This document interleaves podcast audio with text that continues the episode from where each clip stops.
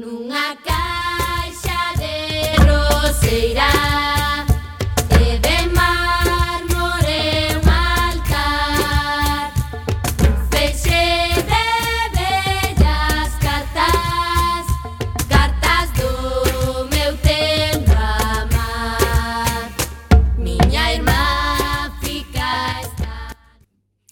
Ola, que tal? Recendeiras e recendeiros, benvidas e benvidos a este espazo radiofónico semanal dedicado á cultura que facemos en riguroso directo todos os martes ás 7 da tarde aquí na Cuac FM no 103.4 a Radio Comunitaria da Coruña.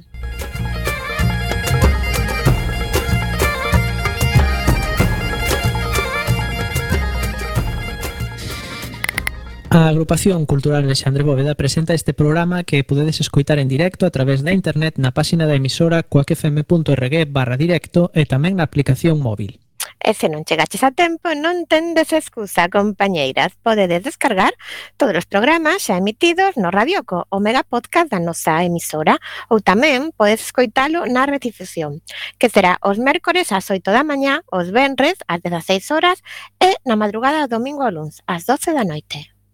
E a partir de agora seguírenos nas redes sociais, tanto deste programa recendo como da propia agrupación cultural Alexandre Bóveda, que teñen abertas súas canles en Instagram, Twitter e Facebook ou na web eh, www.acalexandrebóveda.gal. Sempre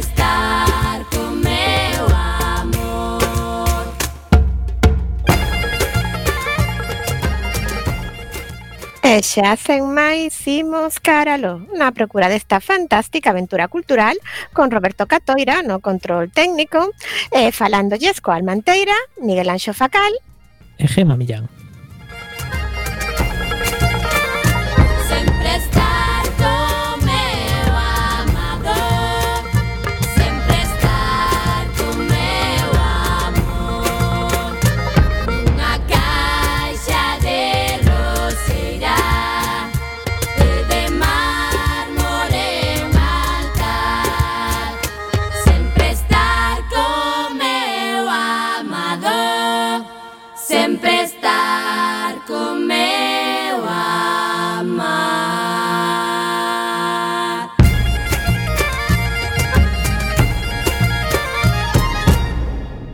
Programa número 359. Hoxe tenemos como convidado a Xaquín González Beira, xornalista galego especializado en visualización de datos e que traballou en medios de comunicación tan prestixiosos como New York Times, Newsweek, National Geographic ou The Guardian. Tamén tenemos a sección de teatro a cargo de Manuel Xestoso, que volve connosco despois de varios meses de ausencia. Falaremos das actividades da nosa agrupación e das outras cousas que se fan na Coruña e na Galiza, e que por suposto tamén son cultura. Eh, hoxe na, escoitaremos ao longo de todo o programa eh, como temos un convidado que tivo que gañarse a vida en medios anglosaxóns algo parecido lle, suce, lle sucede ao gaiteiro moañés Anxo Lorenzo que vive e triunfa en Escocia mentres que aquí é bastante descoñecido. Publicou o seu primeiro disco en solitario no ano 2010 e chamou no Tirán. Presentamos xa a primeira peza de hoxe titulada Tirán que dá título a ese disco.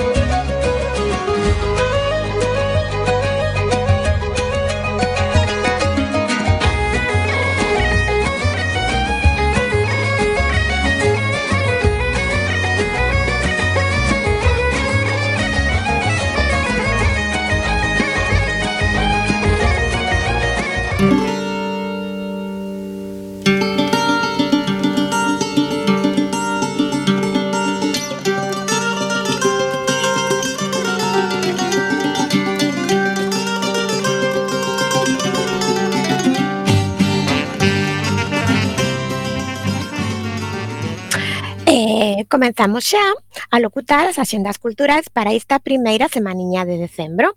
Principiamos, como sempre, pola axenda da nosa Asociación Cultural Alexandre Bóveda.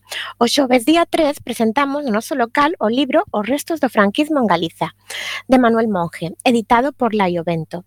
A permanencia da simboloxía franquista é unha exaltación das persoas que participaron en 1936 no golpe de Estado contra a República e das que formaron parte dos gobernos da ditadura. Colaboraron ou ocuparon cargos de responsabilidade nas distintas institucións do franquismo. Para poder asistir, compre inscribirse a través dun formulario na web.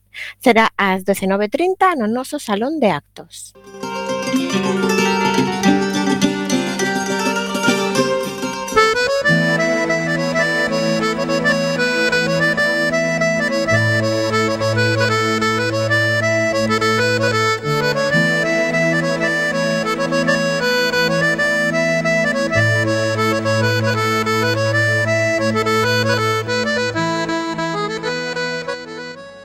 É momento agora para actualizar a xenda da Coruña. Comezamos polo ámbito audiovisual.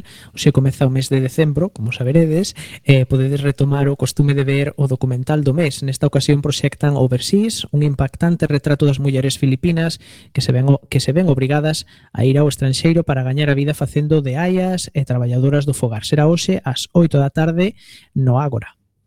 O cineasta galego Eloi Enciso presentou o ano pasado a súa nova película Longa Noite. Podedes vela de balde este sábado 5 ás 18 horas no Cegai. E tamén no Cegai comeza un interesante ciclo sobre o cine negro do director Robert Siomac. O mércores 9 e xoves 10 podedes ver A Dama Descoñecida e o Benres 11 proxectan Pesadelo sempre ás sete e media da tarde no, no horario do Cegai para estes tempos de confinamento. Rodado en Galicia durante a primavera e verán do 2012, o documental que Ismar o Monte analiza as causas dun dos principais problemas ambientais de Galiza, os incendios forestais. Nos últimos 30 anos queimouse unha superficie equivalente á terceira parte de Galicia. Poides velo luns 14 ás 19.30 horas no Fórum Metropolitano. Se o voso son as artes escénicas, atendede agora, Cartoons é unha peza teatral de producións teatrais excéntricas que ten como protagonistas a dous payasos de mirada inocente que teñen algo de debuxo animado e que viven rodeados de cartóns, nun mundo de cartón, esa materia valiosísima que inexplicablemente nos tiramos ao lixo diariamente. O cartón serviralles para construir en múltiples cousas, en definitiva, todo o que a xente normal vai adquirir a unha multinacional sueca. Actúan o sábado ás 5, sábado 5, perdón, ás 6 seis, da, seis e media da tarde no Foro Metropolitano. Liberto foi o espectáculo revelación da tempada teatral galega. Os seus primeiros, perdón, os seus Premios María Casares a mellor actriz protagonista e eh, música orixinal consagran esta peza como unha cita imperdible na axenda cultural. Tres actrices acompañadas de música en directo falan do que nunca se fala, das múltiples caras da maternidade, da vida e da morte, nun espectáculo sen pelos na lingua aplaudido pola crítica. Será o luns 7 ás 21 horas no Centro Agora. Trinta e tantos osos é unha viaxe de catro mulleres de trinta e tantos anos que cansadas de vivir escondidas baixo carcasas prefabricadas, adoptando comportamentos alleos, deciden trascender a pel e a carne a través da mítica figura da loba para chegar aos seus osos a materia máis elemental, onde se inscribe a súa historia persoal e colectiva. Podedes vela o venres 11 ás 9 da, da noite no Foro Metropolitano. E imos xa coa música. Eh, con esto. Perdón. A ver se podo locutar. Imos coa música que me estou quedando sen voz. Checam son unha banda de coruñeses que practican Latin rock setenteiro, a súa grande intensidade en directo vai directa ao peito, mentre mente non poden deixar de bailar. Actúan o sábado 5 ás 21 horas no Agora. A última e máis recente entrega de A nena e o grilo, o musical infantil máis aclamado do panorama galego, chega aos teatros. A nena e o grilo máis aló. É unha historia divertida e evocadora que nos transporta ás búsquedas máis insólitas, eh, creada por Masín Blanco e Teatro Gazafellos. Podedes vela o domingo 6 a 6 da tarde no Teatro Colón. Falla Díaz é unha das tres cantantes do simpático grupo de Vacas, pero esta vez presenta un espectáculo íntimo, unha experiencia diferente na que deixarse levar pola verdade do canto. A voz e as percusións tradicionais de Falla están acompañadas por Benjamín Otero, no corno inglés, e na caixa de música por Evi, eh, no son e na produción. O seu concerto será o Benresunte ás 20.30 horas no Teatro Colón.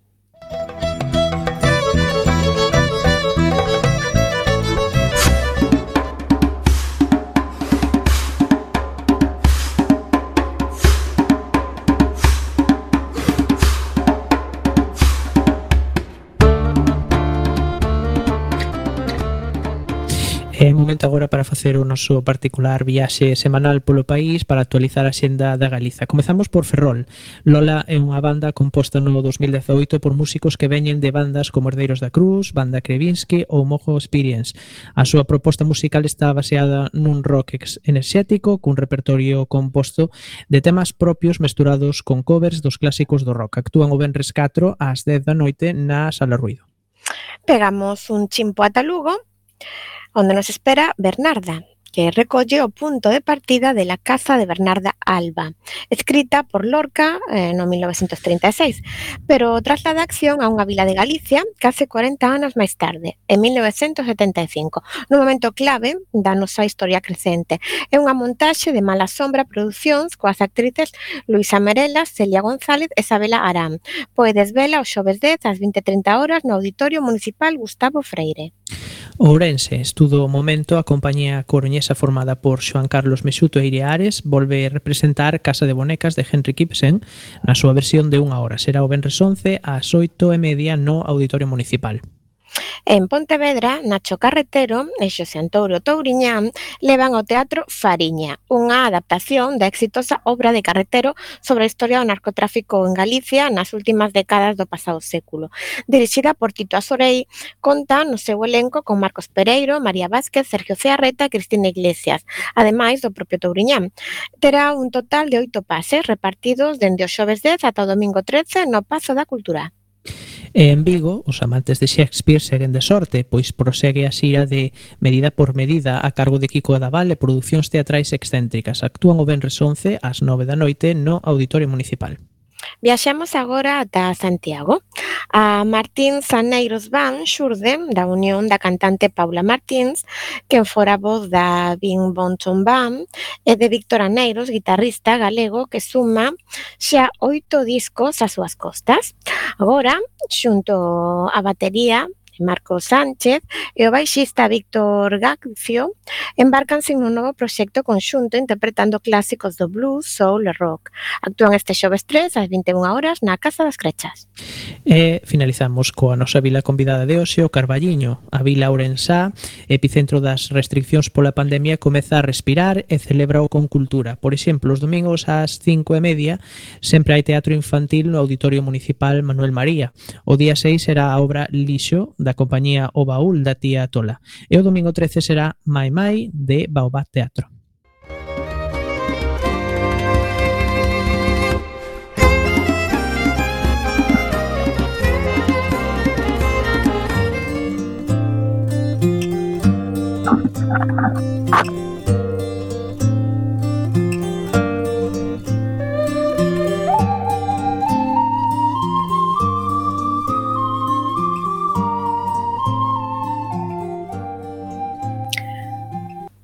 O vento perdeu as follas do seu cartafol.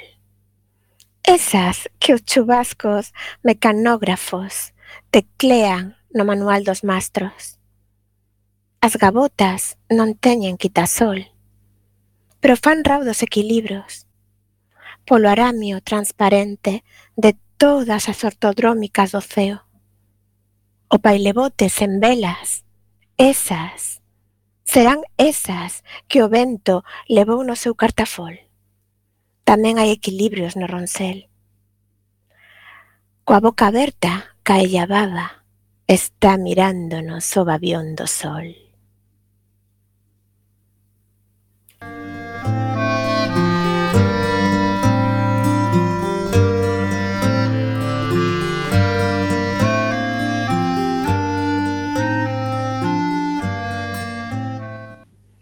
Acabades de escoitar o poema titulado O cartafol do vento, de Manuel Antonio, extraído do seu poemario de 4 a 4, publicado no ano 1928.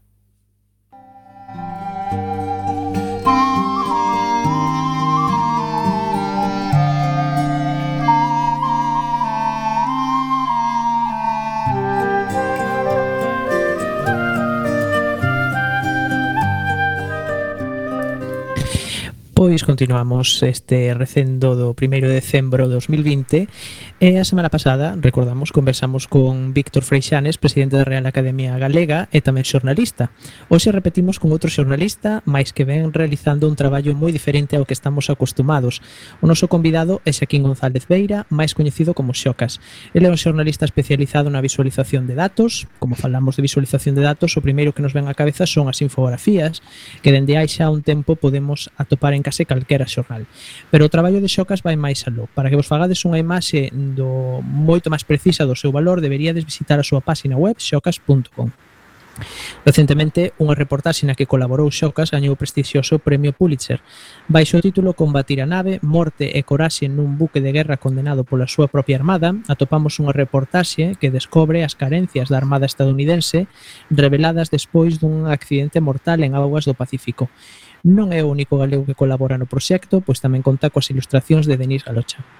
Xocas licenciouse en xornalismo na Universidade de Santiago de Compostela. O seu primeiro traballo como xornalista sería na Voz de Galicia, dali pasou a El Mundo, o que o levou a cruzar o charco para traballar no prestixioso New York Times. Dende ese momento traballou para medios tan recoñecidos como National Geographic, The Guardian ou Newsweek. Segundo o propio Xocas, a súa máis recente obsesión é a conexión emocional a través da narración impulsada polos datos. Xa nos contará ahora. Saudamos xa o noso convidado. Moi boa tarde, Xocas. Mm, Xaquín. Boa tarde. Oh, boa tarde, Gemma. Moi ben.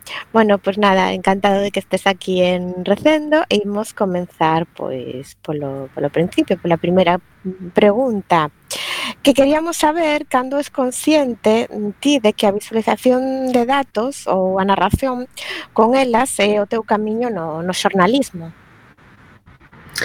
Eh, pois a verdade é que foi a, ao pouquiño de, de comenzar a, a miña carreira como, como xornalista Ainda que eu entrei a estudar eh, xornalismo en, en Santiago para, porque me encantaba escribir. Eh, Todavía unha das miñas, das miñas paixóns, a, a verba pero pero deron unha oportunidade, o meu pai é xornalista, traballaba na voz de, de traballaba na voz de na voz de Galicia e dedicábase ao a visualización de datos e infografía. Nos, nos anos 90 cando cando no mundo eh, era, bueno, estaba comezando como este, este novo formato este novo formato periodístico. E a mí me unha a oportunidade de traballar mentre estaba estudando eh, Xosé Manuel Rubín eh, que era que era e o de, que foi delegado en Ourense e que, e que entrara de delegado a Santiago, onde eu estaba estudando, eh, deu unha oportunidade de, de, de comenzar escribindo, cando eu estaba en terceiro, e aos, aos poucos meses ocorreuselle, mira, e ti esas cosas que fai teu pai, estes, eses programas para facer para facer infografías, controlaos Eu, eh, sí, claro. Eh, a ver, desde pequeno mm, veo meu pai eh, utilizándoos, utilizar o seu, eh, fal, discutía con meu pai de como cando ele iba a talleres en obradoiros en Pamplona, en unos premios que hai de, de infografía e era, bueno, eh, encantábame, pero non era, non era o que eu quería facer como como xornalista, pero foi comezar a facelo e, e quedar quedar con, con ela e dai despois, pois pues eso eh, pasei mm, a, a dos anos máis tarde cando acabei a, a carreira a, a facer gráficos interactivos que o que o que ven sendo a miña a miña carreira mm, estes estes anos, aínda que agora basicamente son máis que facer, eh, gustame editalos e guiar a xente e facer mentoría e explicar a xente como facelos. Bueno, sabemos que eres moi multidisciplinar e queremos saber se segues mantendo o carácter romántico da profesión de xornalista. Uf, a min depende moito do que, do que queiras decir co carácter romántico da, da bueno, profesión. En, en primer lugar, se ti lleves romantismo á profesión de xornalismo, que todavía non nos sabemos, pero supoñemos que sí. Por, o romantismo da profesión da profesión xornalística, ese que se ve nos nas nas pelis eh, e nas eh, ou que se lee nas nas nas novelas eh, nunca me atreu moito. Eh, porque é un, é un xornalismo de, de lobos solitarios e de xente que descubre as cousas eh, que investiga pois eles sós loitando contra A min gustame o xornalismo de, de equipo. A min gustame a diversidade nas, e as equipas e as equipas máis que eh, sobre todo se faga eso, moito moito debate porque estamos facendo isto e quen a min gustame ese tipo de xornalismo. Por exemplo, a min eh, de, si, si queres, si queres pensar nun, nun, nunha romantización do xornalismo que si me suxire moito é a da película Spotlight Que xusto vina a onde está pensando nesa. Claro. Eh, Spotlight é unha, é eh, unha, é unha película de tra traballo en equipa, de xornalismo eh, do que se fai a modiño, de xornalismo que ten unha intención moi clara e de xornalismo con eh, de, de, com, de combatir ao, aos, aos poderes establecidos que abusan do seu, do seu poder. A mí ese xornalismo sí que me, sí que me gusta. O xornalismo de guerra, o xornalismo de... Eses nunca me atraeron. Dalle, Miguel, vais preguntar agora ao meu compañeiro. Eh, pois podemos abordar agora o tema do premio Pulitzer, non sei querías aclarar algo, vinda que non é o teu único Pulitzer no que colaboras, non sendo este pois o sexto. Que era o que máis te interesaba desta historia? Bueno, esta historia eh, foi moi, foi, foi moi curioso como xordiu a, a, a colaboración, porque esta historia desde o principio os editores de ProPublica eh, Joe Sexton que, que estaba que, tra, co que traballei no, no New York Times eh, decatouse un, un, un editor moi é un editor que, que para, para ter os anos que, que coido que debe de ter vai, menos mal que non me entende eh? e que non escoita coa que FM porque seguro que, seguro que me mataría para os anos que... non sabemos escoita non, eh? non, non pero non entende galego eh, para os anos que ten e, o, e, o, e a experiencia que ten sempre foi un, un, unha personaxe eh, moi, moi visual e que lle traía moito a, a, o, o tema das, explica, das explicacións visuais E nada máis nada máis comezar a tocar a historia, a imaginar a historia eles, eh, el que traballara conmigo en outro en outra historia que tamén recibiu un, un Pulitzer que se chama Snowfall, eh, comentoulle aos, aos reporteiros, dixo, mira, tendes vos que sentar con con xocas eh, e pensar cal pode ser o desenvolvemento visual desta, desta historia. E se pensades o que, o que, o que era um, a historia esta. Era é a historia dun, de como da supervivencia e, e, do, e da morte dun grupo de, so, de, de mariños da, da Armada Americana que, que chocaron contra un contra un eh,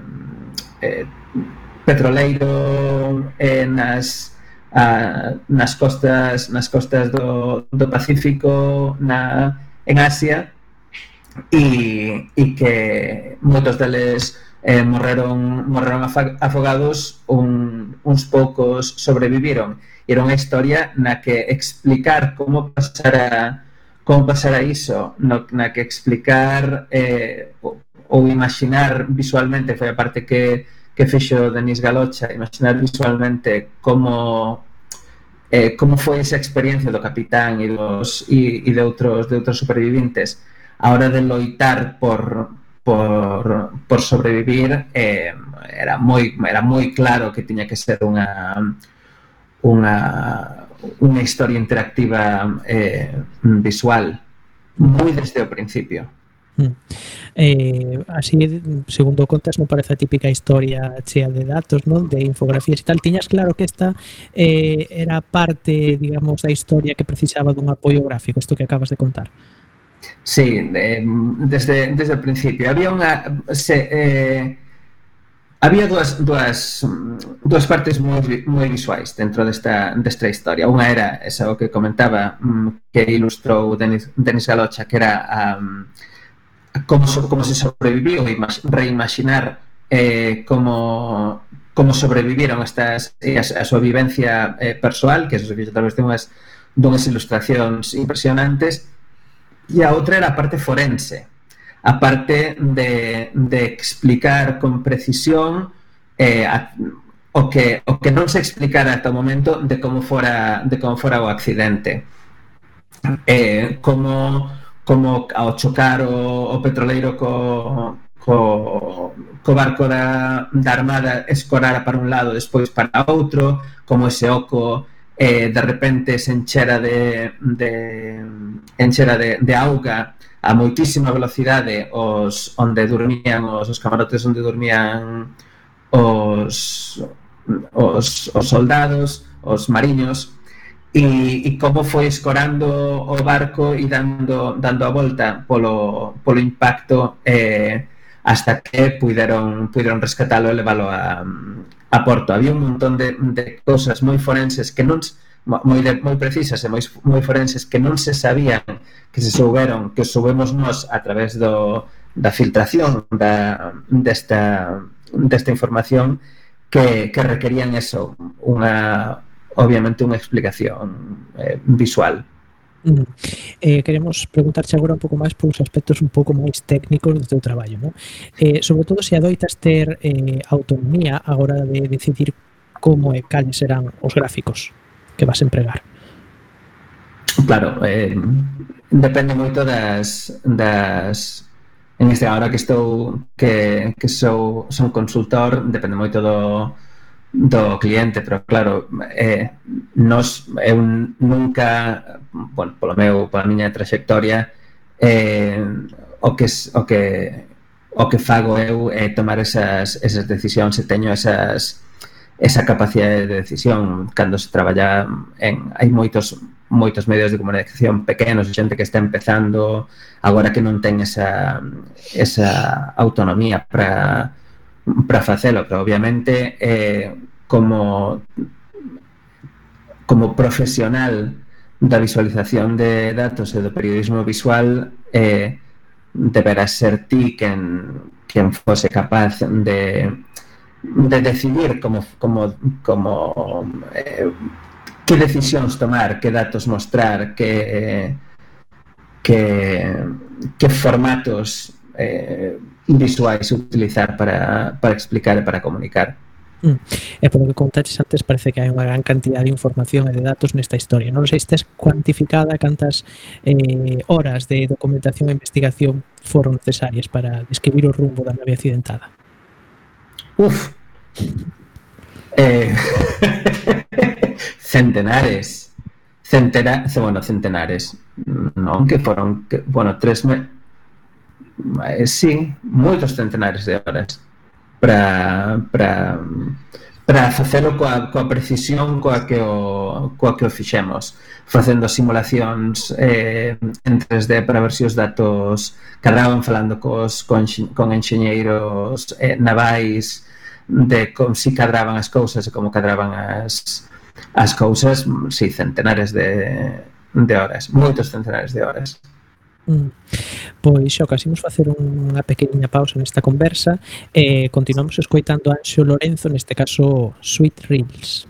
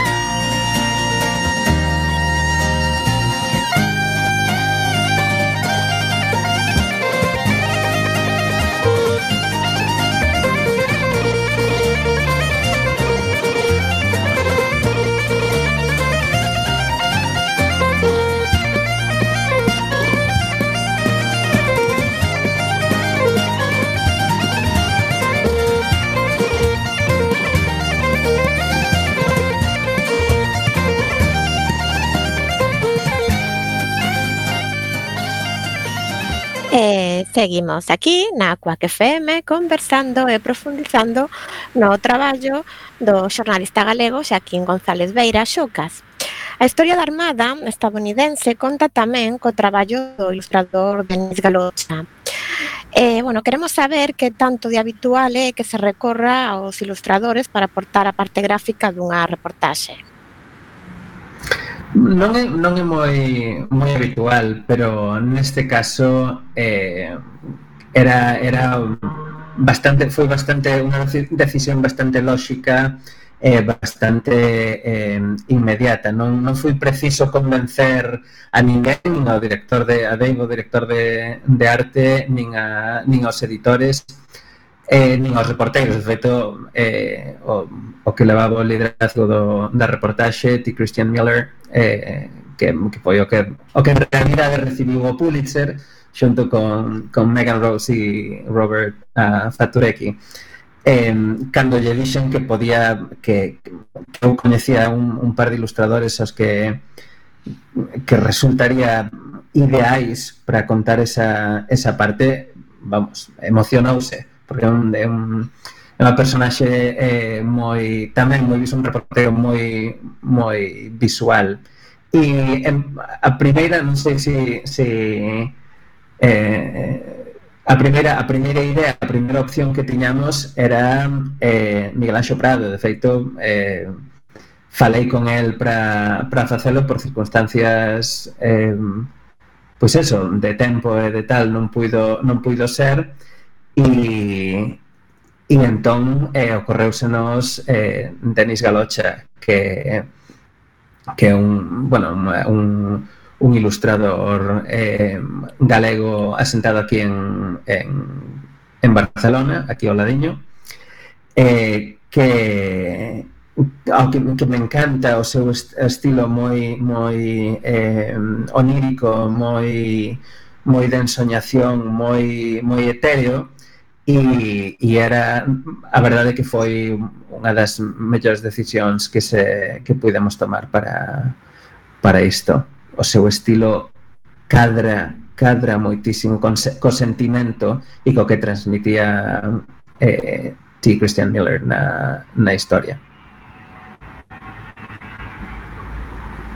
Sí, bueno, entón ti ves moi axeitado a inclusión de ilustración nas reportaxes xornalísticas. E que chamounos especialmente a, a atención este punto, porque pensamos que está moi ben logrado, entonces, bueno, contanos. Neste tipo, neste tipo de, de reportaxes, eh, Eu creo que sí, cando, sobre todo cando contas coa, cando non estás imaginando como puido ser, sino que neste caso pois eh, foi falando cos, cos supervivientes, como fixemos estas estas ilustracións, con eles mandándonos incluso fotos eh, da, a, a, hai, unha, hai unha das escenas na que, na que está, se ve o cego aberto eh, de cando se despertou o capitán eh, e se ve a pois pues eso, eh, como se, porque un dos, dos, dos furados que fixo o petroleiro chocar foi no, no, na habitación do, do capitán, no cuarto do capitán e ves a ilustración na que se ve o ceo aberto, a lúa e máis o e máis a, a manta que levaba o, o capitán temos mandounos a foto do da manta que aínda que aínda conserva. E a, e a fixemos eh, con eso, mirando para, para a manta.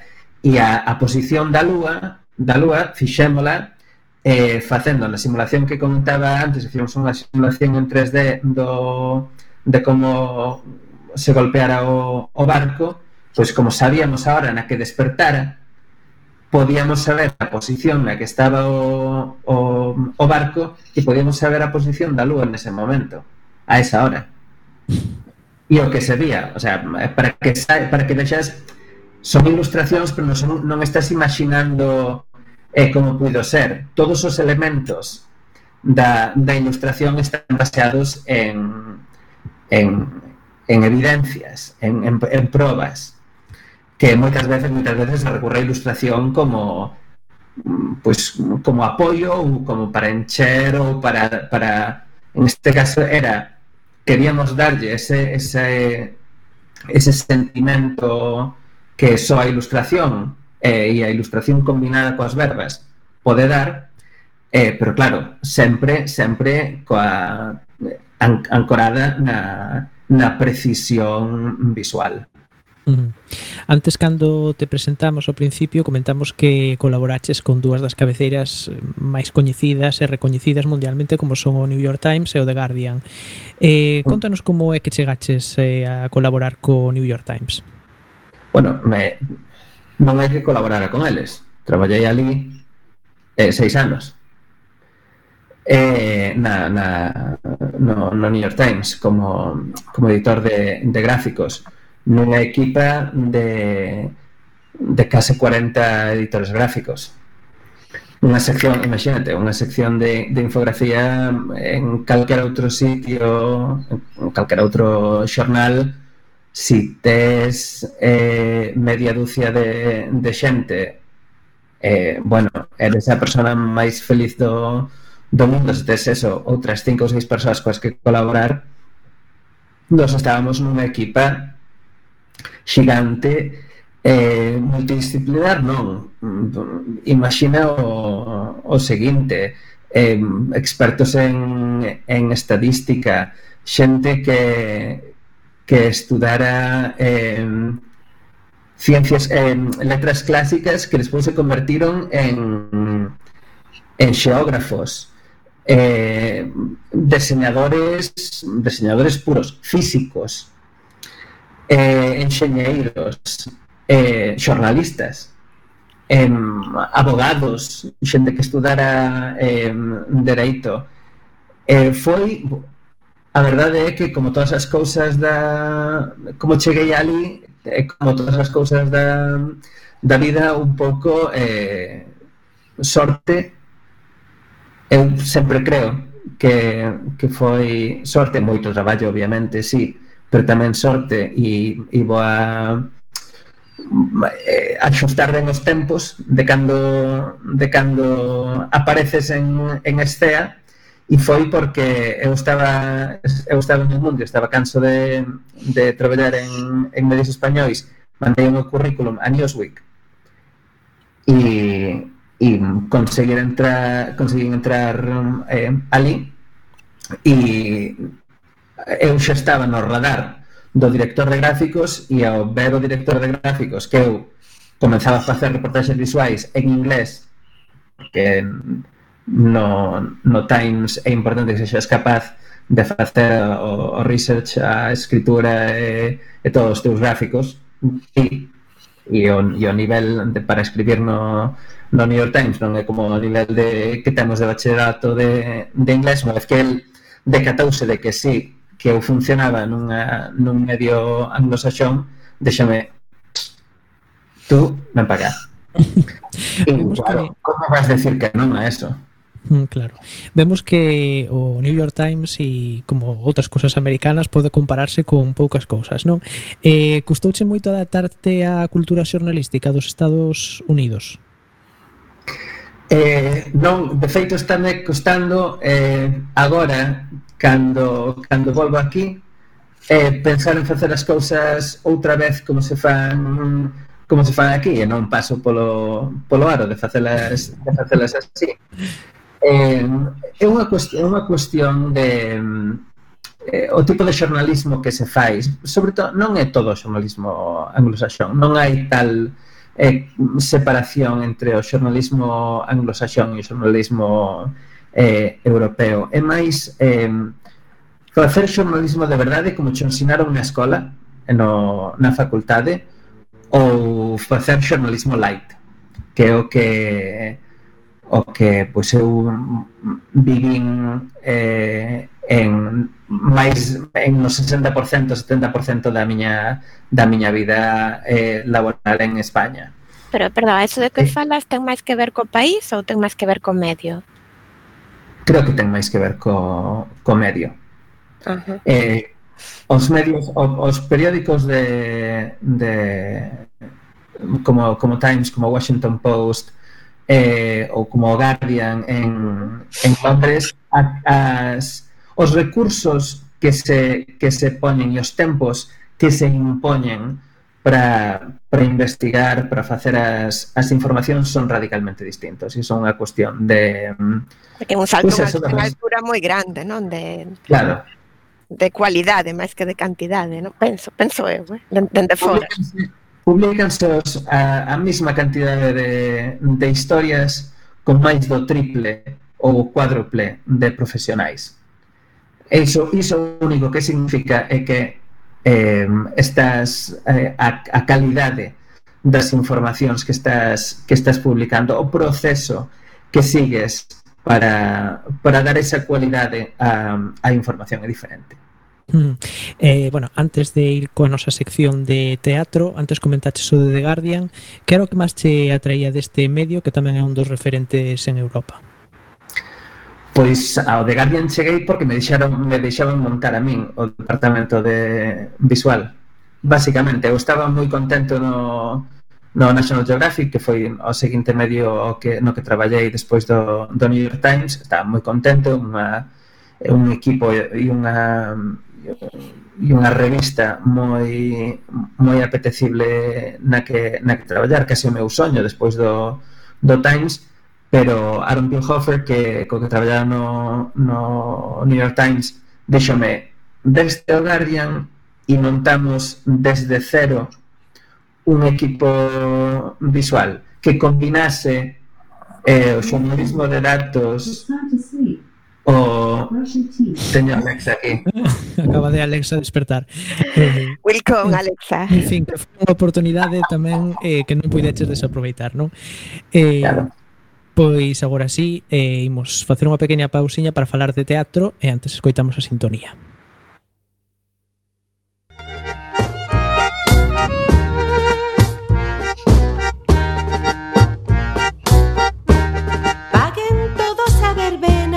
de donde nunca pasa nada.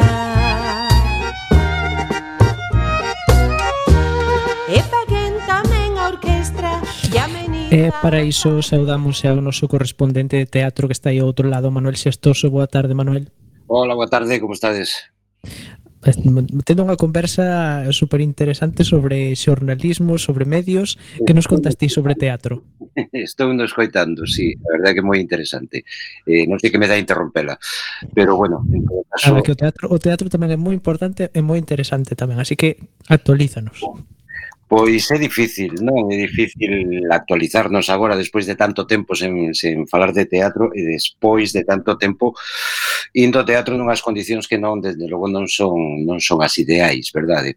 Eh, sobre isto, bueno, eh, eu creo que temos que temos que facernos eco dunha campaña que está facendo agora a Escena Galega, que é a principal asociación de compañías que hai que hai na, na, no país eh, que, bueno, mm, retoma aquel retoma aquel eslogan de non nos canceles, a cultura é segura para protestar por certas cancelacións que se están dando nos concellos galegos de funcións e que non se acollen a lei, é dicir eh, segundo o marco legal vixente as restriccións que, que, que o DOGA está impoñendo, mm, pódense facer eh, funcións teatrais sempre que se cumplan unhas certas restriccións de capacidade das salas.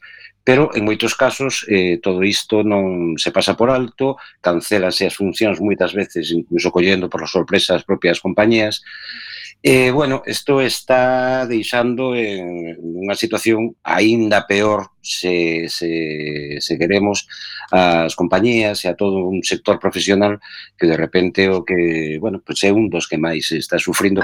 Supoño que iso din todos os sectores, somos os que máis estamos sufrindo esta crise da pandemia.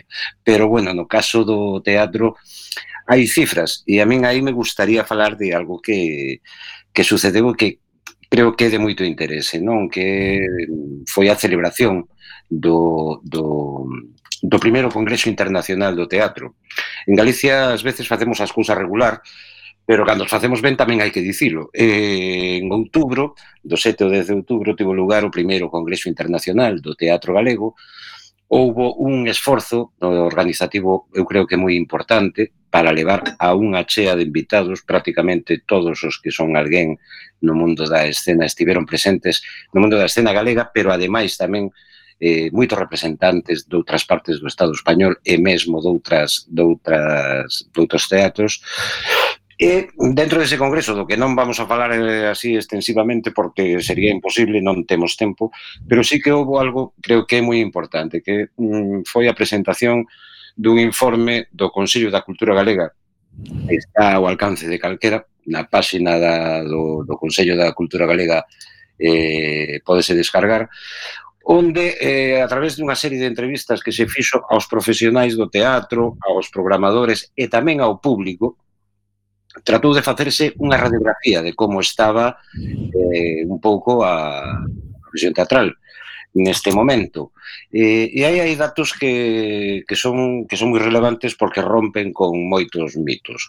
Por ser optimista, eh, podo dar un que di que o máis da metade dos espectadores prefiren as funcións en galego.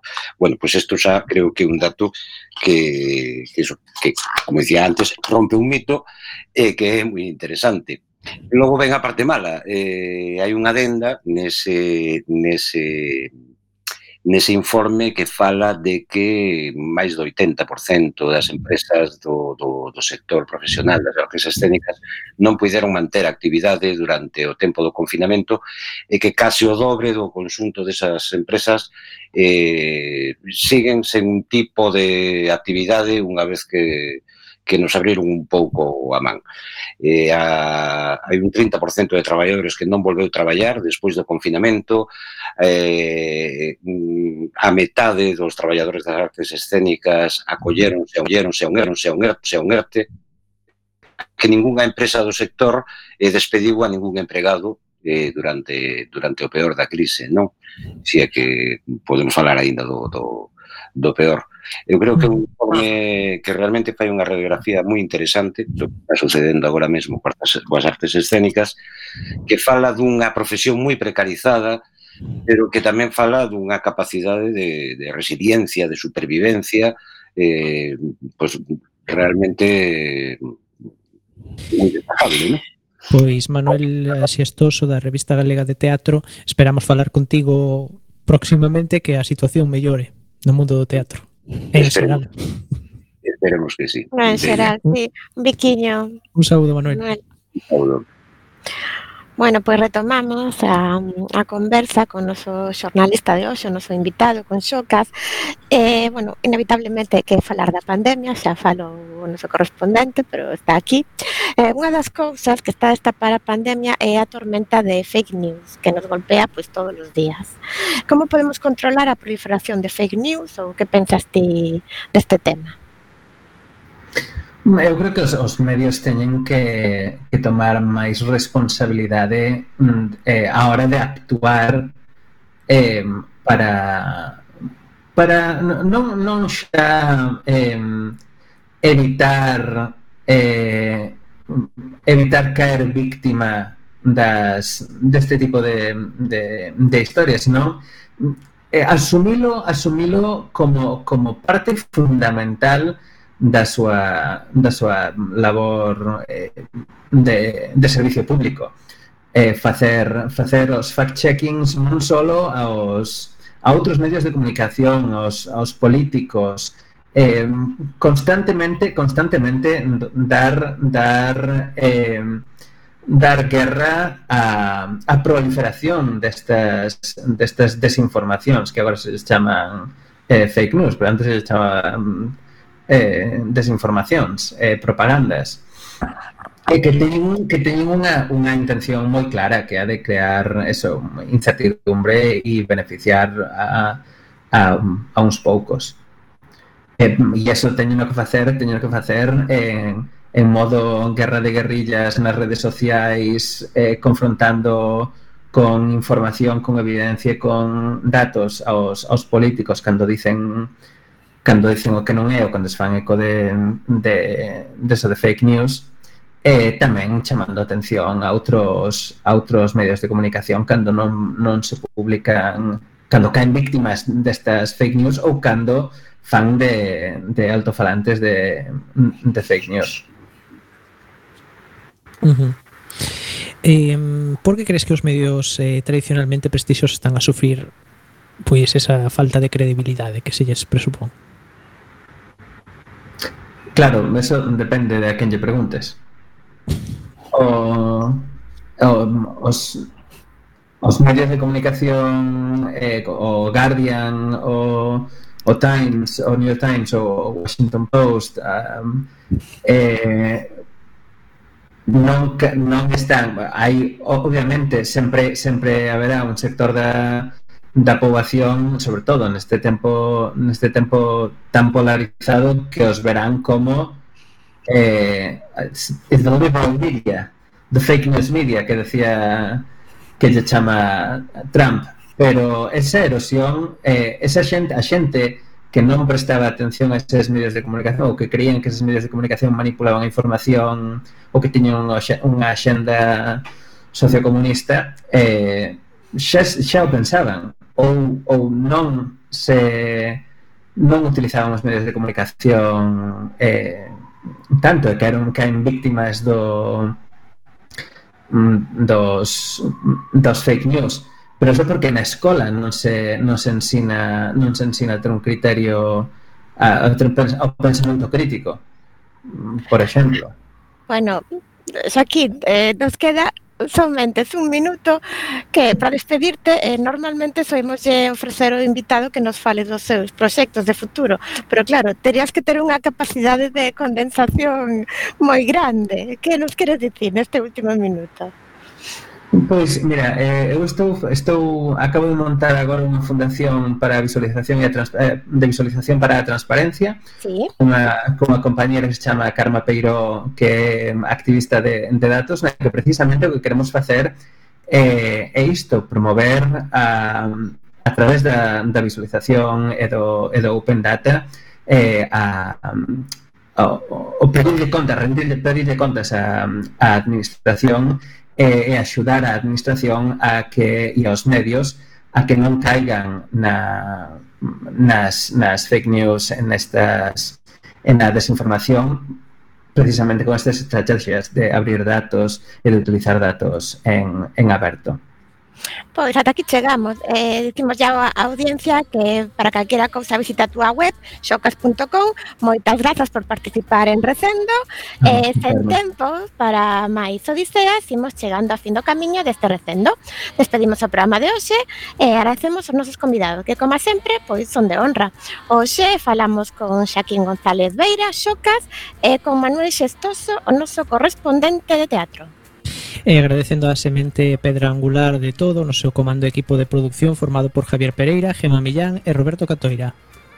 E aquí estivemos Roberto Catoira nos controis e co alento no micrófono Miguel Anxo Facal e Gema Millán.